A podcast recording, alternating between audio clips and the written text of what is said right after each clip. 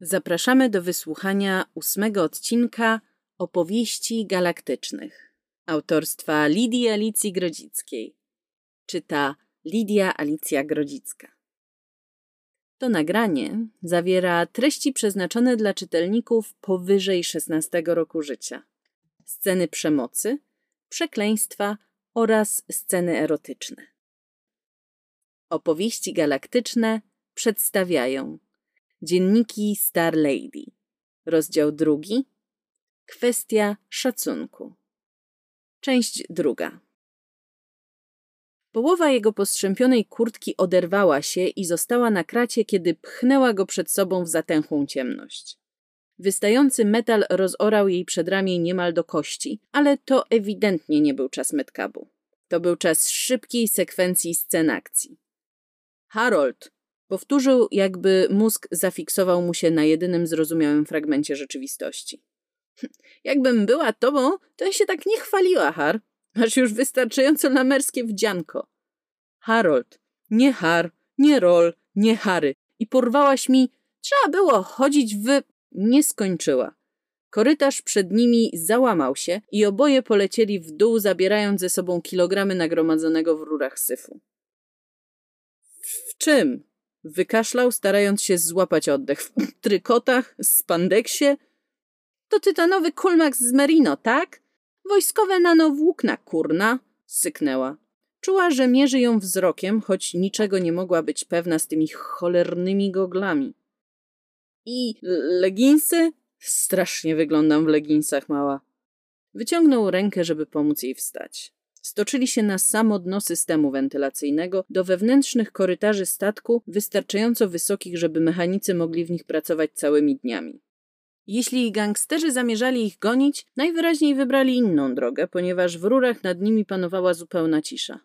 Wysoki się znalazł. Trzymaj.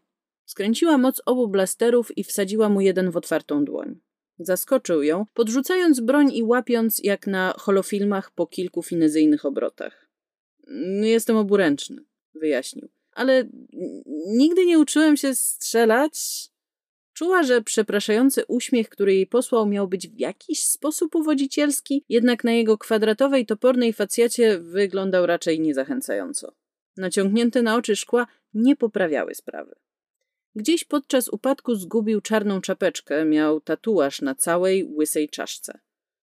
Jo nie miała ochoty dociekać, co przedstawiał. Joe Basco, powiedziała w końcu, wzdychając ciężko. Nie młoda, nie mała, nie słoneczko, nie lala, nie panna.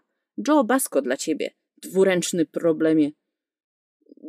Nie chcę być czepialski. To nie bądź, co nie? Przekomarzamy się, jak stąd wyjdziemy. Ja swoje zrobiłam. Żadne z nas nie jest ani związane, ani martwe. Teraz włącz tryb awaryjny tej swojej mega łepetyny i spróbuj nas stąd wyciągnąć, co nie? Kiedy się podłączę, będę miał dostęp do wszystkiego, czym zarządza AI na tym statku. Znajdź mi ładny kabel i będziesz mogła patrzeć, jak robię swoją część. Jego głos zabrzmiał niespodziewanie zimno i Jo zmrużyła oczy. Jakiego kabla potrzebujesz? No co no? Zapytała napastliwie, kiedy uniósł brew. Jestem pieprzonym pilotem do cholery i w przeciwieństwie do ciebie umiem rozwalać rzeczy bez pomocy wirtuala. Nigdy nie podłączałam plugowca. Tak naprawdę to mówi się plugera. Od hakera. Już dobrze, dodał zaraz, kiedy skierowała na niego lufę blastera. Potrzebuję głównej wiązki korowej. Potem przewody się rozchodzą i trafienie na odpowiedni na obcym statku graniczy z cudem. Wiązka korowa ciągnie się zazwyczaj od rdzenia napędu do głównego komputera przez wszystkie pokłady. Hm, czyli przynajmniej dwa piętra, jedną ładownię nad nami. Kiedy się podłączę, powtórzył, potrzebuję około 10 sekund na pełne sprzężenie z AI. Potem mogę wysmażyć każdego, kto siedzi na brzegu wirtuala, a z tego, co udało mi się zauważyć, wszyscy tutaj są na luźnym podpięciu przez bransoletę. Słyszałam o plugerach, którzy wchodzą w sieć w trzy sekundy. Tak, ja też. Jakieś dwa lata temu pokazywali w centralnych wiadomościach, jak jednemu z nich wypłynęły gałki oczne. Będę się starał. Dodał, kiedy popatrzyła na niego twardo. Nie mówię, że nigdy nie zrobiłem tego szybciej, ale w walce o życie chodzi chyba o to, żeby zostać przy życiu. Nie wygramy, jeśli wysadzi mi neurony, o to mi chodzi. Zakładaj, że to będzie 10 sekund. Będą wiedzieli, co zamierzamy. Będą pilnowali wiązki. Niekoniecznie. Kolejni pośrednicy, sama widziałaś. Nie tylko plugerów wozi się w bańkach. Mogę być czymkolwiek. A ty, jak mi się wydaje, jesteś dość popularną awanturnicą? Space Cowboyką. Bar... dość raczej znaną. Jeśli myślą, że postanowiłaś mnie ukraść i sprzedać sama, pójdą do hangaru na Lady, kurwa, mać! Joe poczuła, jak krew uderza jej do głowy. Na pokładzie znajdowało się całe jej dorosłe życie. Lady była oczywiście świetnie zabezpieczona jeszcze przez Alice, jednak Joe nie chciała wiedzieć, jakich zniszczeń dokonają wkurwieni gangsterzy, kiedy drzwi nie ustąpią po złamaniu wirtuala. Obrzuciła tunel serwisowy skupionym spojrzeniem, nachyliła nad jednym ze spawów, powiodła palcem aż do pieczęci zabezpieczenia i dalej, aż wypatrzyła odbity w rogu panelu numer seryjny. Poczuła, jak kąciki ust unoszą się jej mimowolnie. Idziemy do twojej wiązki. Od rdzenia napędu. Natychmiast. Przeprowadzenie ich przez obcy statek okazało się prostsze niż przypuszczała, bo statek okazał się nie do końca obcy. Transportowiec małego tonażu typu Gore-Tex, niecałe 300 metrów długości całkowitej. Szepnęła, kiedy udało im się wyleźć z części serwisowej na jeden z prawdziwych chodników. Starszy model, może mieć nawet ze 30 terańskich lat. Straszny złom. A wiesz to, bo Znaleźliśmy swojego czasu kilka prawie nieruszonych gorteksów. Ali skroiła je na kawałki, żeby łatać największe dziury na Hill. Masa gorteksów unosi się w próżni. Mają cholernie słabe rdzenie i załogi porzucają je na pierwszy błysk syreny alarmowej. Jeśli uda im się choćby lekko trącić rdzeń, zwyczajnie wypieprzymy go w kosmos razem z trupami, jeśli uda ci się wyprodukować jakieś trupy. Uda mi się. Potrzebuję tylko głównej wiązki. Idziemy do rdzenia napędu. Nie mogę się doczekać, kiedy wysadzę te pieprzone cholerstwo w diabły. Czy oni nie widzą nas na monitoringu? Kamerach wewnętrznych? Nie powinniśmy? Nic nie widzą. Gorteksy mają zazwyczaj jeden punkt zbierający zewnętrzny wewnętrzny monitoring. Dzięki temu statek potrzebuje mniej załogi. Ale ten Gortex nie może już nawet zamonitorować sobie dupy. Skąd wiesz? Bo wykorzystaliśmy ekran jako osłonę podczas laserowej strzelaniny. To nie była mesa kapitańska, tylko sala nawigacyjna. A ten dziwacznie wygięty stół to była pieprzona konsoleta. W takich chwilach wydaje się, że mogłabym uwierzyć w jakiś większy plan. Powiedziała, wychylając się za następny róg. Trzy głosy wrzasnęły jednocześnie, a już po chwili oboje przechodzili nad trzema ciałami o równo zesmażonych lewych gałkach ocznych. Zastanawiaj się nad tym, kiedy już wykończymy tych skurwieli. Świetnie strzelasz, zauważył Harold, próbując dotrzymać jej kroku. Był od niej o niecałe pół głowy wyższy, na oko dwa razy cięższy i całkowicie nieprzyzwyczajony do poruszania się szybko lub cicho, szczególnie w niezgrabnych butach. Jesteś wojskową, w sensie oficerką, agentką konfederacyjną. Przed chwilą byłeś pewien, że jestem kiepską porywaczką. Warknęła, zabezpieczając kolejne mijane drzwi. Albo kurna rangerką. Doszliśmy już do agentki, ta? Raczej nie próbujesz mnie już porwać. Nie bądź taki pewien. Szlak by to trafił. Daj to i stój tu. Joe wyszarpnęła mu z ręki bezużyteczny blaster i weszła za zakręt, strzelając jednocześnie z dwóch pistoletów. Kiedy Harold do niej dołączył, z niedowierzaniem wodził wzrokiem po kolejnych pięciu trupach. No jest ich więcej niż trzynastu, powiedziała, pociągając go za sobą. Nie zastanawiaj się, tylko idź. Zaczynała tracić cierpliwość. Został im jeszcze cały poziom, Cały czas słyszała nad głową odbijające się kroki. Statek był pełen ludzi, których nawet ona nie mogła wystrzelać co do jednego. Jeśli plugowiec ją kitował, była martwa. Całkiem absolutnie martwa na własne życzenie. Niby zawsze wiedziała, że istnieje takie ryzyko. Ryzyko zawodowe. Tak to nazywał ten niebieski szmaciarz. Tylko człowiek jakoś nigdy nie brał pod uwagę, że to dotyczy akurat jego. Przez pieprzone holofilmy. W holofilmach zawsze umierali tylko ci pozostali. Doszli do ostatnich drzwi, zostawiając ze sobą kolejne cztery ciała. Teraz rozwalę panel sterujący i mamy pół na pół, że się otworzą. Wszyscy, którzy są w środku, zaczną do nas strzelać. W tym czasie pojawią się frejerzy stąd i stąd. Wskazała obie odnogi korytarza, którym właśnie przyszli. I też zaczną do nas strzelać. Jeśli będziemy mieli farta, wejdziemy do środka i znajdziemy osłonę, zanim dostaniemy się w krzyżowy ogień. Facet miłosiernie nie zapytał, co będzie, jeśli trafią na to drugie pół. I w pewien sposób była mu wdzięczna. Wyciągnęła z kieszonki pasa ostatnie dwa przeciwbóle, rzuciła mu jeden, rozgryzła tabletkę i wywaliła z przyłożenia w puszkę kontrolną. Mechanizm zawył, zakrztusił się, drzwi skrzypnęły w kolejnach, uchyliły się i zamarły, zostawiając ciasną szparę. Czyli było jej jeden do trzech. Powiedział, ale Joe już ciągnęła go za sobą, przyciskając się do środka. Skupienie przyszło samo. Poczuła mrowienie na karku, ciepło pod powiekami. Nie zastanawiała się, czy to zauważył, kiedy biegli między wiązkami laserowymi. Czuła tylko, że jest żywa. Podpalona w kilku miejscach, ale cholernie nadal żywa i że ten facet, Harold, też musiał być żywy, skoro nadal biegł. Wepchnęła go za jedną z konsolet. Jak my? Zignorowała go, wychyliła się i wymierzyła. Kawał metalu oderwał się z trzaskiem. Widzisz tę skrzynkę? Te zaraz pod kopułą rdzenia. To wejście serwisowe, tam powinna być ta twoja wiązka. Otwarte. Jeszcze coś? Harold patrzył na nią, jakby nagle zrobiła się zielona i rogata jak samarianka. Muszę się do niej, cholera, podłączyć. Muszę tam podejść. Kawał konsolety po ich prawej stronie odleciał nagle, a potem zamienił się w chmurę mikrodrobinek. Znowu mają dezintegrator. Miałeś się nimi zająć, Harold. Przyprowadziłam cię do wiązki, Harold.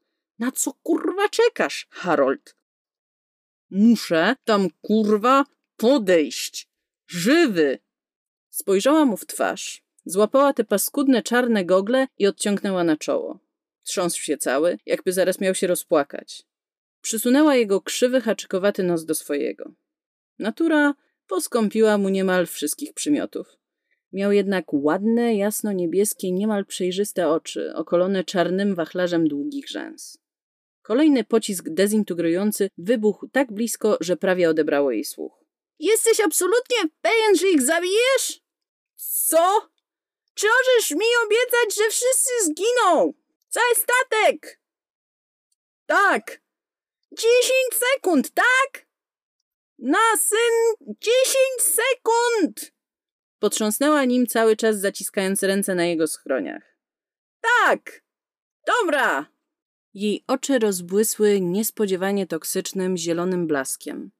Puściła głowę Harolda, który cofnął się od niej jako parzony, chwyciła oba blastery, ale zamiast je wycelować, weszła pod ostrzał z szeroko rozpostartymi ramionami. Resztki włosów zatańczyły dokoła jej głowy jak naelektryzowane. Przez powietrze przetoczył się zielonkawy błysk przypominający wyładowanie elektrostatyczne. Harold z przerażeniem patrzył, jak strzały z półtuzina różnej broni pomknęły w jej stronę, po czym rozproszyły się w powietrzu lub odbiły, zostawiając po sobie iskrzące punkciki. Na chwilę zapomniał, jak się poruszać. Potem usłyszał, jak coś znowu wybucha i rzucił się do wyrwanej ze ściany skrzynki. Strzały po prostu go omijały, znikając jakby wchłonięte przez niewidzialną barierę lub odtrącone przez niewyczuwalne pole. Czuł każdą mijającą sekundę, kiedy łączył wyciągnięte z pasków gogli kable i podpinał się po kolei po pierwszym, drugim, trzecim, a w końcu czwartym paśmie. Nacisnął niemal natychmiast. Nie powinien był tego robić. Coś jednak mówiło mu, że tym razem wszystko pójdzie dobrze. I poszło. W jednej chwili zobaczył statek jak przezroczystą bańkę, dziecinny domek dla lalek, akwarium pełne mrówek. A potem nacisnął znowu i mrówki zaczęły płonąć, wijąc się na ziemi w agonalnych spazmach. Strzały ustały jak ucięte, a Joe opuściła ręce, czując jak zbiera się jej na mdłości. Dopiero teraz poczuła na ramionach kilka przysychających już paskudnych szerokich oparzeń. Jej broń potoczyła się po pokładzie razem z pistoletami atakujących. Zachwiała się, odwróciła, zwymiotowała falą półprzetrawionego płynu zmieszanego z żółcią, otarła ręką twarz i wzrokiem poszukała plugowca. Chciała krzyknąć, że już wystarczy, że już koniec, że się udało, ale zamarła w pół słowa, widząc cztery właśnie cztery cienkie srebrne kable prowadzące z jego głowy do skrzynki serwisowej. Nie była ekspertką, ale to nie było plugowanie, jakiego się spodziewała. Harold poczuł, jak dziewczyna osuwa się obok niego i kładzie mu głowę na ramieniu. Śmierdziała palonym mięsem i czymś kwaśnym, organicznym. Bezceremonialnym szarpnięciem wyciągnął sobie wszystkie wtyczki, czując jak mózg na chwilę wywraca mu się na lewą stronę. Nazywali to niebezpiecznym usuwaniem sprzętu. Taki żart, jeszcze z czasów zmieszania. Zdał sobie sprawę, że cholernie, cholernie, ale to cholernie chce mu się pić i sikać jednocześnie. Jo westchnęła cicho i wzięła go pod rękę. Ja mam powiedzieć, że będę musiała cię teraz zabić, bo nikt nie może wiedzieć, ale... Mm, zobaczyłaś moje podłączenie. Mm, no. Przez chwilę oboje milczeli. Bawiła się jego dłonią, podnosząc ją i opuszczając na swoje udo, jakby był zresetowanym androidem. Pęcherz naciskał mu na wszystko tak bardzo, że mu stanął, ale raczej tego nie zauważyła. Albo udawała, że ją to nie obchodzi. I teraz zastanawiasz się, czym jestem, czyja sytuacja jest bardziej pochrzaniona? Zaryzykował. Hmm, coś tak jakby. W sumie nie znasz się na plugowaniu i sama możesz nie być pewna, co widziałaś.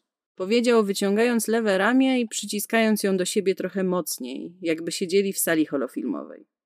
Musiał napić się wody, musiał wstać i się wysikać, a może nawet i coś więcej, ale w sumie nie czuł się źle, jak powinien się czuć człowiek, który siedzi na podłodze otaczony trupami tych, których zabił.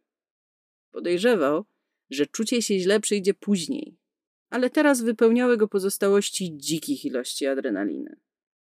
Próbował sobie przypomnieć, kiedy ostatni raz przytulała się do niego prawdziwa, żywa, niewirtualna dziewczyna. No, no, a, a ty. Nie mam pojęcia, co widziałem. Nauka nie ma na to nazwy, więc mogło to być tylko przywidzenie.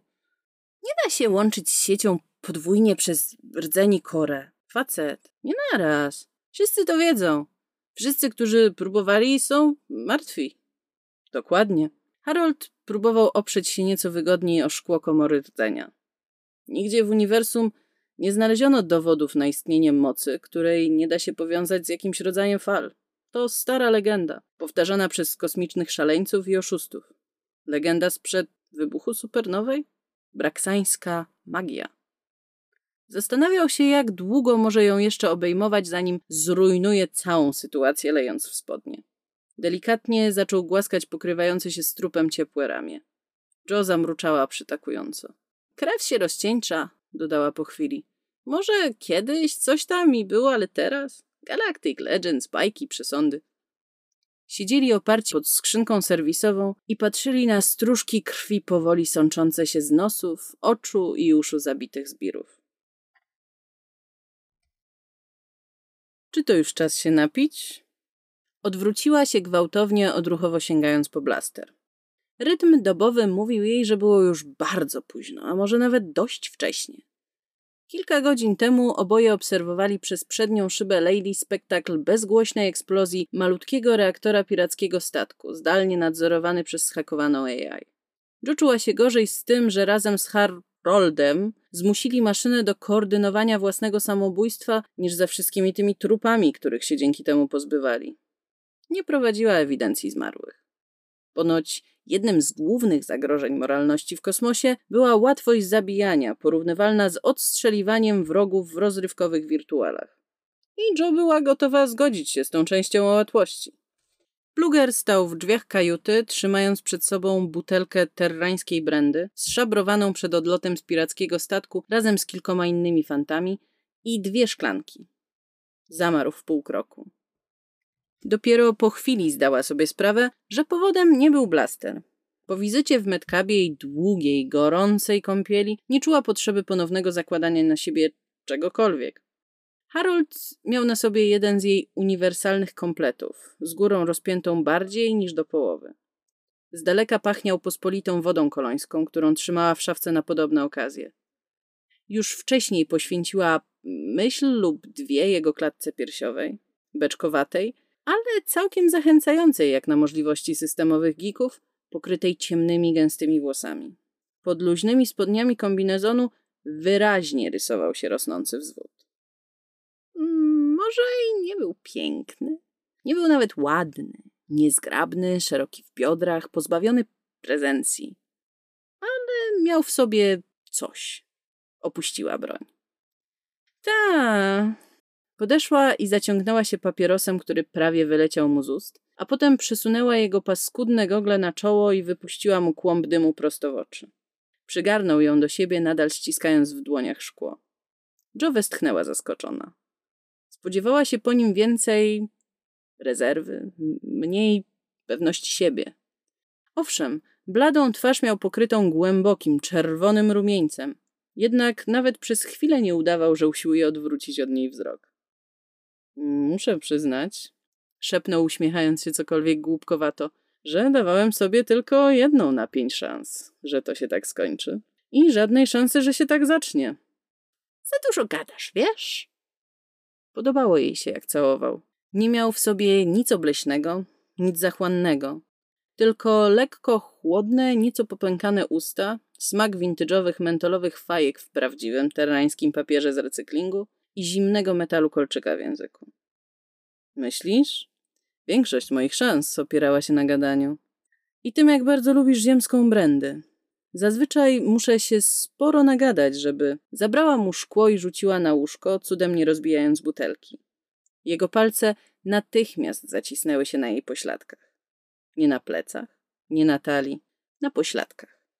To były duże, gładkie, starannie zadbane dłonie kogoś, kto nigdy w życiu nie podniósł niczego cięższego niż czytnik. Żadnych odcisków od broni, żadnych starych blizn, żadnych ostrych krawędzi przykrojonych laserowym nożem paznokci. Nigdy w życiu nie miała do czynienia z takimi dłońmi. Tam, skąd pochodziła, nie robili takich dłoni. Takie dłonie nie zagrzewały długo miejsca tam, gdzie zazwyczaj latała. Mogłaby się przyzwyczaić do takich dłoni. I do tego, jak zataczały kręgi na jej tyłku, jakby chciały ugnieść z niego jednolitą masę samozasychającego gipsu do łatania rur. Nie tracisz czasu, co nie? Westchnęła prosto w jego usta, kiedy pociągnął ją na siebie, nabijając się łopatką na butelkę brandy i, przeklinając zabawnie w jakimś dziwnym terrańskim slangu, usiłował przesunąć ją na bok bez użycia rąk. Mała. Wbiła mu palce między żebra, aż syknął.